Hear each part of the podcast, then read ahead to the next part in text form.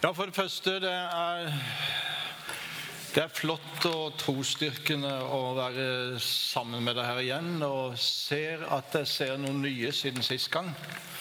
Så det er akkurat sånn det skal være. Og så fikk jeg bare så mange eh, gamle minner som dukka opp på en måte når jeg så når dere Jeg liker ikke helt å si at man presenterer aktiviteter, men jeg vil heller si menighetens uttrykk for liv, egentlig. Eh, både kjempespennende med bønnehuset som de skal starte, og tenk på de løftene som der er over det. Eh, den som blir i meg, han bærer mye frukt. Wow! Alt kan skje. Og Hvis vi bare passer på at den forbindelsen er i orden med han som har greie på det, og som kan det. Og så søndagsskolen. Eh, vi hadde, Jeg husker min gamle søndagsskolelærer, som var veldig bra. altså, Og, og jeg var en trofast eh, søndagsskoleelev, tror jeg. Eh, og vi hadde det sånn faktisk at eh, når vi hadde hatt gebursdag i, i uka som gikk, så kunne vi ta med oss penger så gamle som vi var blitt, syv-åtte år. eller ikke vel, Så måtte vi kunne være 50-øring, det kunne være femører, og det kunne være kronestykker. Og, det, og hvis ikke vi hadde, så spanderte han. Og så telte alle sammen ikke vel, i kor. Så gammel som du var blitt. Og så fikk jeg en presang. Jeg fikk, du, dette, nå er du langt inn i Froland, ikke vel, så det var lov altså, jeg, jeg fikk en foldekniv. Jeg tror faktisk jeg har den ennå. Ikke vel en foldekniv på søndagsskolen. Men sammen med det jeg lærte hjemme, for mor og far var jo eh, troende, og, og, så, og det er jo det viktigste, det som skjer der, så kunne jeg en del. Kom i første klasse, og læreren spurte om Jeg vet ikke hvorfor i all verden vi kom inn på til Jesus kom igjen. Og jeg ble kalt opp og skulle Han kan komme i morgen, han, sa jeg. Og alle lo. Men så sa læreren det er sant, det, sa han. For han var kristen. Sånn var det i Froland på 60-tallet. Å gå på søndagsskolen og gå på skolen og hjemme, og du hørte nesten det samme. Så han kan komme i morgen, han.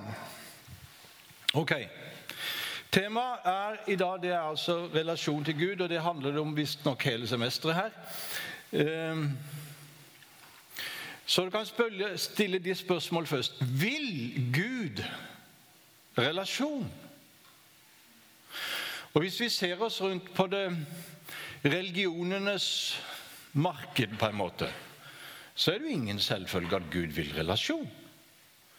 Altså Hvis du er hindu, eksempel, så kommer du litt an på hvilken kaste du tilhører osv. Og, så videre, og hvilket system du er blitt lært opp til for å greie å finne rette, de rette tinga av rett tanke og rett tale og rett ferd. Og om du greier å tømme din sjel for alt uro som finnes der inne, så kanskje kan du en gang fornemme at det er et eller annet guddommelig langt der inne.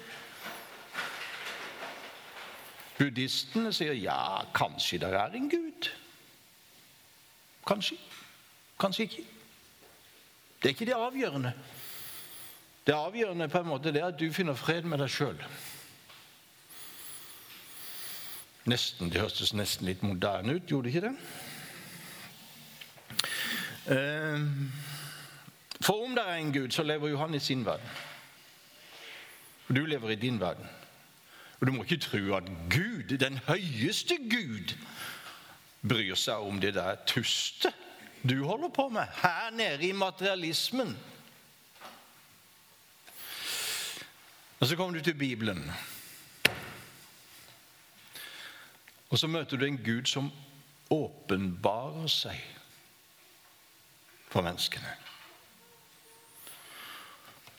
Og som gir seg til kjenne fordi han vil at du skal kjenne ham. Derfor gjør han det. Og han ikke bare sier sånn hei, hei, liksom, men han, han stifter pakt. Det er nesten sånn at Du kunne bla gjennom Det gamle testamentet ut igjen og finne ut av hvor mange ganger det står at Gud stifter pakt. Altså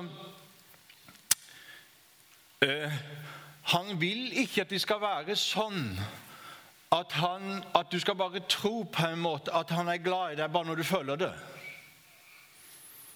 Eller at han sier 'jeg er glad i deg' så lenge, så lenge jeg er glad i deg. Så lenge jeg føler for det, så er jeg glad i deg. Det ligner jo på noen moderne greier, det gjør det ikke det? Gud stifter pakt, og han forplikter seg sjøl på den pakten. Det er egentlig det som det er det dypeste innholdet når vi snakker om at Gud er rettferdig. Gud er rettferdig. Det betyr først og fremst dette. Han er paktstro. Han står for det han har lovt. Om alle andre svikter, så står han for det. Og da er det sånn at f.eks. Selv selv om Israel var troløse, så sier han hos profeten Hosea Hvordan kan jeg glemme deg?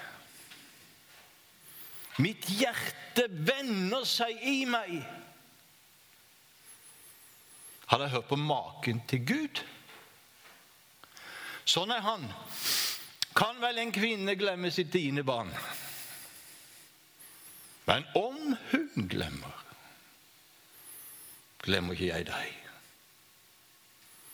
Det er Jesaja. Og Derfor er Gud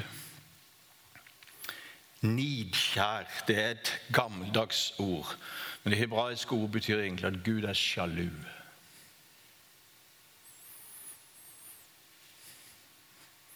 Det, det bruser opp i han av, av nidkjærhet hvis du søker noen annen. Det er det som ligger i at Gud er nidkjær. Så Gud vil ha relasjon. Gud er lidenskapelig relasjonssøkende.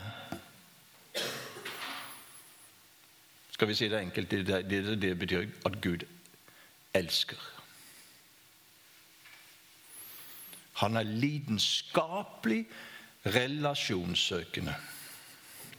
Men menneskene til alle tider, og kanskje særlig spesielt de moderne mennesker, sier ja, men Gud er så fjern. Um, er han det?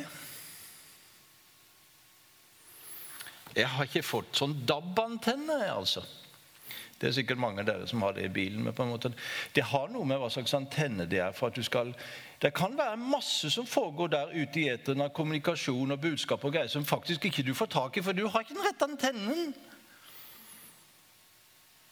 Så det er viktig å ha det for å høre at Gud faktisk, og skjønne at Gud faktisk er nær. Hvor nær er Gud? Hør her. Og Dette er urteologi, urkristen teologi. Det er skrevet av Paulus i Kolosserbrevet 1 og altså er eldre enn evangeliene. Er du med? Der står det at det er i ham og ved ham og til ham vi er skapt. Så Gud er din, er, er, din primærrelasjon. Det å bli en kristen det er så til de grader å finne røttene at du aner ikke Det er å finne røttene.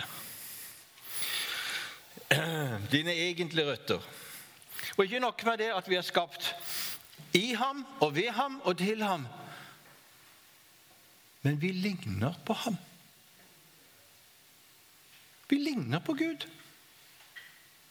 Jeg lurer meg litt nesten på hvor bokstavelig vi skal ta det, men jeg tror faktisk vi skal ta det mer bokstavelig enn vi mange ganger har tenkt. Det er nesten på en måte så du er på et slektsstevne, ikke vel, og så treffer du noen sånne fjærmenninger eller et eller annet, og så ser du på han der lille hvithåra poden der. Det var det forferdelige han ligna på en eller annen bestefar som du kjente eller ikke. ikke vel? Du ser noe i slekta rett og slett igjen i det, i det mennesket. Og Sånn er det med Gud òg. At han ser noe av seg sjøl igjen i det. Så det er ingen sted på jord du kan bli så verdifull som når Gud ser på deg. Um, vi ligner på Han. 400 og 1800, sier dere noen ting? Nei, du skal være tankeleser for å skjønne hvor jeg vil hen nå, altså. Men 400, det er ca. de gangene du trekker pusten mens jeg preker her i dag. Og 1800 det er de gangene cirka som hjertet ditt slår mens jeg også preker her i dag. Så begynner du å nærme deg Paulus som står på Areopagos og så sier at i han er det at vi ånder. Rører oss, lever og er til.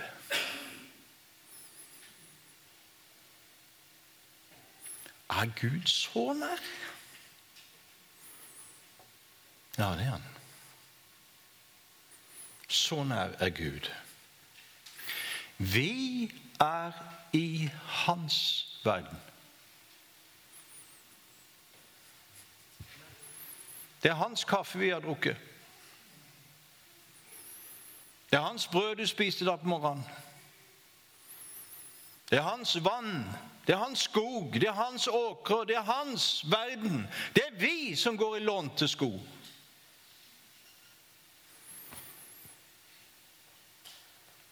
Det er Guds verden vi går i og lever i. Nei, han er ikke langt borte fra noen av oss, sier Paulus. Hvorfor det? For at vi skal søke å finne ham. Og han lar seg finne. Nei, Spørsmålet er jo egentlig er, vi, er han i vår verden. Vi er i hans. Det er helt sikkert. Neste spørsmål hvor nær kan vi komme Gud? Dette er ikke så ubehagelig, men det er Bibelens tale. Det, finnes, altså det var en konflikt. Det er den verste konflikt som har vært i, i denne verden. Um, og det er konflikten mellom Gud og oss. Som er så dyp, som er så radikal at vi hadde ikke kunnet se Gud ansikt til ansikt og komme fra det med livet.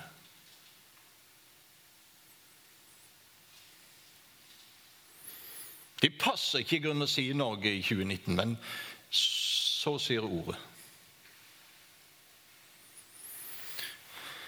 Um, og det er derfor Gud skjuler seg for du tåler ikke å se ham.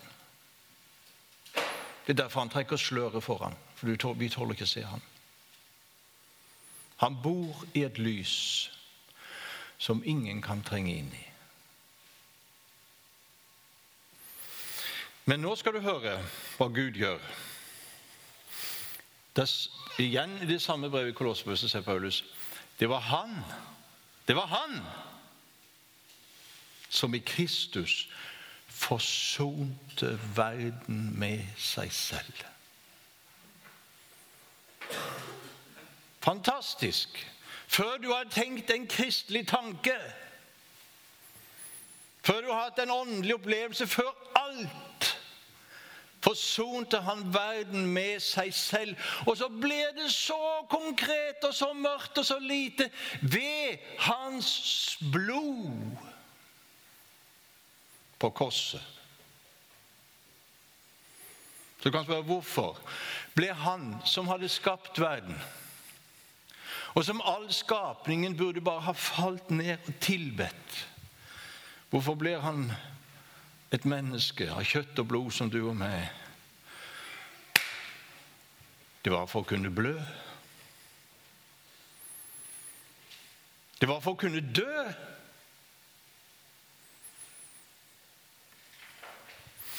Og så forsoner Gud hele verden med seg selv. Med seg selv. Så vi, sier Paulus i Efeferes, vi som var langt borte, vi kan komme nær ved. Og ikke regne som fremmede, men som tilhørende Guds familie. Fantastiske ord! Vi skal tilhøre Guds familie. Ja, og så er det nydeligste av alle ord, da. Det er at ved at vi tar imot Han som er forsoneren Johannes 1,12, så blir vi Guds barn. Guds barn. Så Guds kirke på jord det er en barnekirke. Det går ikke an å bli noe større. Komme noe høyere, noe lenger opp eller lenger frem enn å være Guds barn.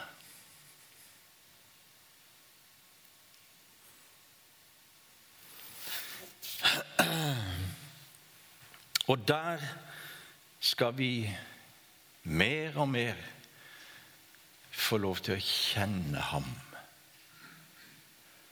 Mine får kjenner meg, sier Jesus. Mine får kjenner min røst. Eller Paulus sier i Filipperbrevet Nå kjenner jeg ham og kraften av hans oppstandelse. Kjenne Gud, kjenne Gud mer og mer. Ja, så dere lærer Gud å kjenne. Det samme ber han altså om for den menigheten som han har prist og lovt på en måte alt de har i Kristus. allikevel så ber han. Og jeg skal be om en fryktelig viktig ting for dere, sier han. Jeg skal be om at dere får den ånd som gjør at dere lærer Gud å kjenne. Og Det er en bønn du også kan be som du har vært kristen hele ditt liv så går det an å få en ånd som gjør at du lærer Gud å kjenne. Så stor er han at du kan lære den på nytt og på nytt og på nytt, og dypere og dypere, lenger og lenger inn og lære Gud å kjenne ved sin ånd. Ja, ikke bare lære Gud å kjenne, men hør på dette lære å kjenne Hans kjærlighet. Høyden, dybden, bredden, lengden, det ufattelige. Oh, her hjelper ikke med menneskelig visdom, sier Paulus. Dette forstår du ikke. Men derfor har Gud gitt deg sin ånd. For at du skal forstå hva Gud i sin nåde har gitt deg. Guds ånd kan åpne det, så vi forstår det og ser det.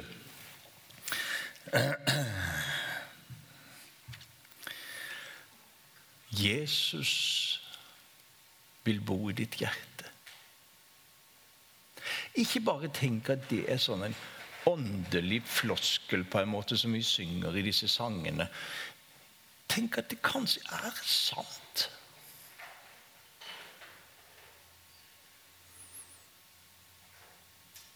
Styrke deres indre menneske med sin kraft og med sin ånd, så Kristus kan bo ved troen i ditt hjerte. Han som har sona all din synd. Han som har seira over døden. Han ved hvem du allerede nå sitter i himmelen. Han som har fremtida i sine hender. Han som har seira over det lave, over det mørke, over synd, over alt. Han vil bo i ditt hjerte ved Din Hellige Ånd skal han bygge opp ditt indre menneske, så ditt indre menneske åpner døra og sier 'Kom inn, Jesus'. Og der du åpner døren, der går han inn til deg. For du vet, hva er, hva er Guds adresse? Hva er Jesu adresse? Jeg må nesten lese det, for det er så tøft, syns jeg. Johannes 14, 23. Det er jo sagt i forbindelse med at, at Ånden kommer og gjør sin gjerning.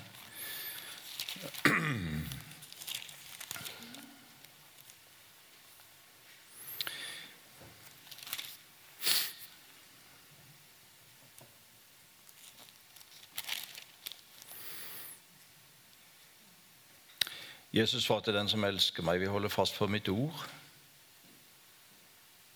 og min far skal elske ham.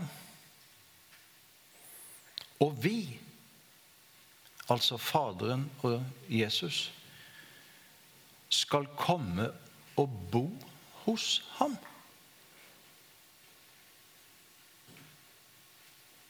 Så Ånden kommer, og så har han med seg både Sønnen og Faderen.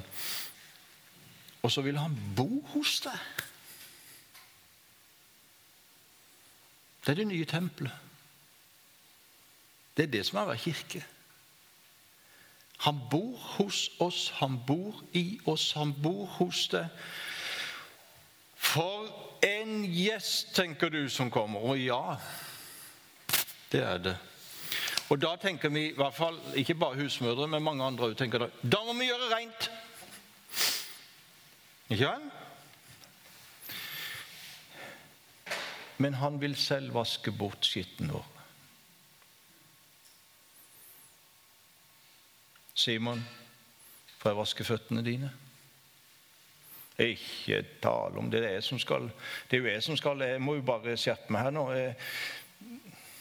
Får jeg vaske føttene dine? Ja, er det sånn, sier Peter så. Eller først så sier Jesus et advarende ord til oss alle. Får ikke vaske føttene dine, Petter, så har vi ikke noe sammen lenger. Og Det kjenner dere litt til. Det er litt mitt budskap. til Det har vært det, det kommer til å bli så lenge jeg lever, tror jeg. Det er ha aldri noen hemmeligheter for Jesus.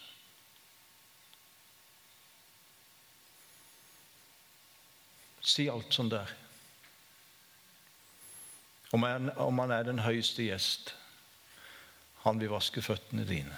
Spring med beina dine, holdt på å si, og stikk det ned i Jesu fat. Og si allting som det er.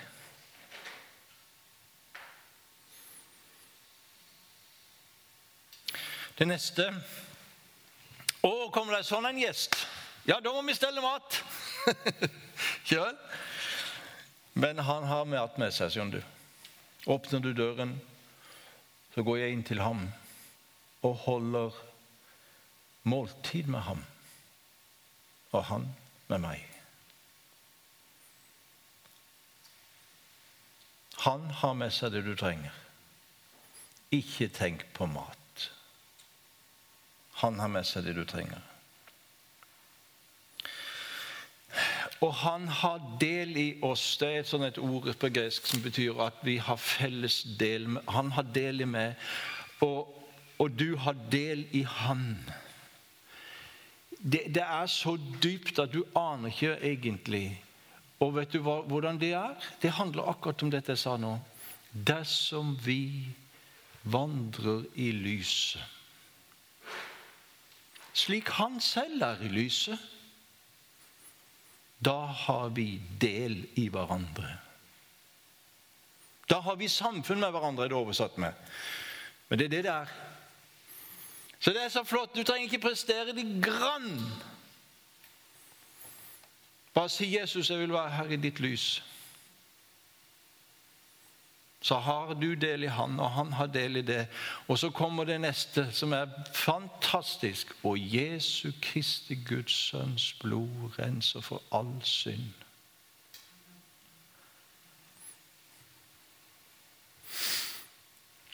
Åh, for noe elendighet er dette Ganges. For der står hinduen. Har du sett bildene? Kanskje du har sett det også i virkeligheten? At han går ned og heller Ganges vannet over seg om igjen og om igjen. og om igjen. For Ganges kommer fra gudenes boliger, tror de, mener de. Og de kan gjøre din karma bedre. Og karma er produktet av alt hva du har. Godt tenkt, godt gjort, godt, gode motiver osv. Og, og hvis karmaen blir riktig, riktig, riktig, riktig, riktig god, så kan du slippe ut av gjenfødelsens forbannelse og gå like til nirvana, til lyset.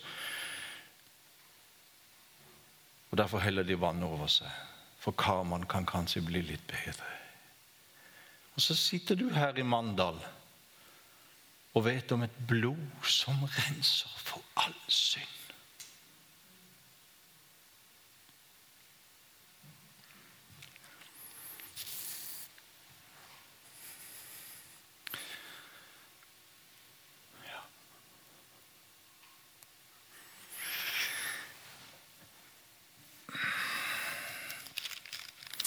Og der inne hos han, i Guds stue så skal du få lov til å be. Men det, det er noe nytt som er kommet nå, skjønner du. På den dagen når barnekårets ånd har flytta inn i ditt liv, så skal dere ikke ha mer å spørre om. Sannelig, sannelig, jeg sier dere, hvis dere ber Far om noe, skal Han gi dere det i mitt navn. Hittil har dere ikke bedt om noe i mitt navn. Be, og dere skal få. Så gleden deres kan være fullkommen. Dette har jeg sagt til deg i lignelse. Det kommer en tid da jeg ikke skal tale i bilder, men åpent og rett fram fortelle dere om Far. Om Far. Den dagen dere den dagen skal dere be i mitt navn. Jeg trenger ikke å spørre Far for dere.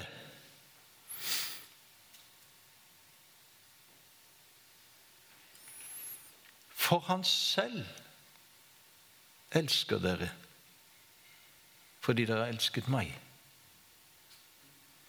Så Jeg vet ikke hva dette Nå skal jeg teste igjen litt her på dere. 10, 5, 19, 21, 19. Vet dere hva det er? Det er en pinnkode for å komme inn i Guds stue. Kristine, tar du den? Hæ?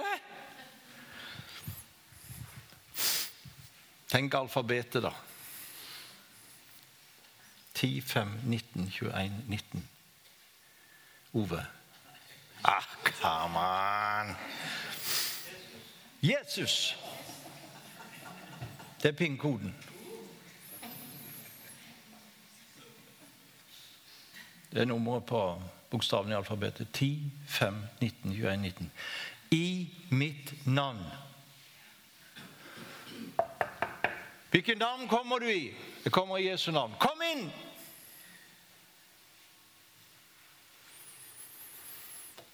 Og så er det ikke sånn som vi sa hjemme når vi skulle få han nabofaren til å gjøre et eller annet for oss. Hvem som skulle spørre var det, var det kameraten min, Jan Olaf? Han var jo sønnen til han. Eller kunne spørre sjøl, eller hvem kunne spørre? Vi fant best ut at han spurte, for han kjente jo faren best og hvilken lune han var i akkurat den dagen. og bla, bla, bla. Her sier altså Gud du trenger ikke, Jeg skal ikke be far for dere, for han selv elsker dere.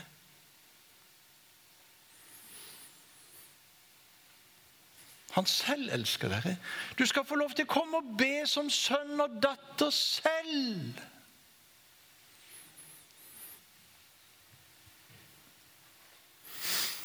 Men husk pinnkoden.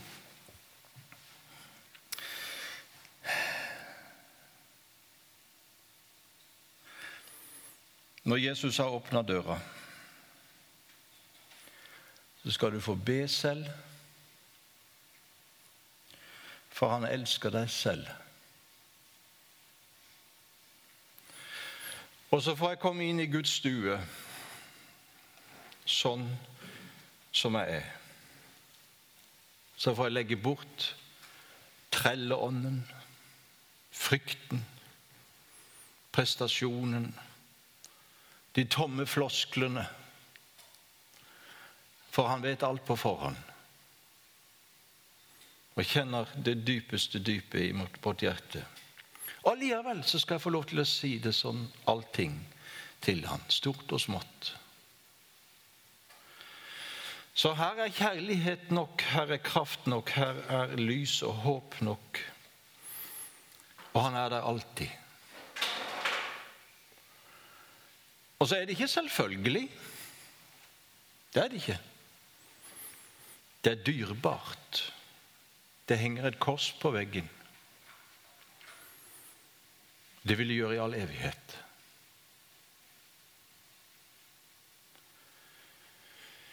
Men jeg trenger ikke frykte, for rommet er fylt av godhet. Og jeg får si far. Og han sier mitt barn. Og det er nok. Det er nok å kjenne Han. Det er nok.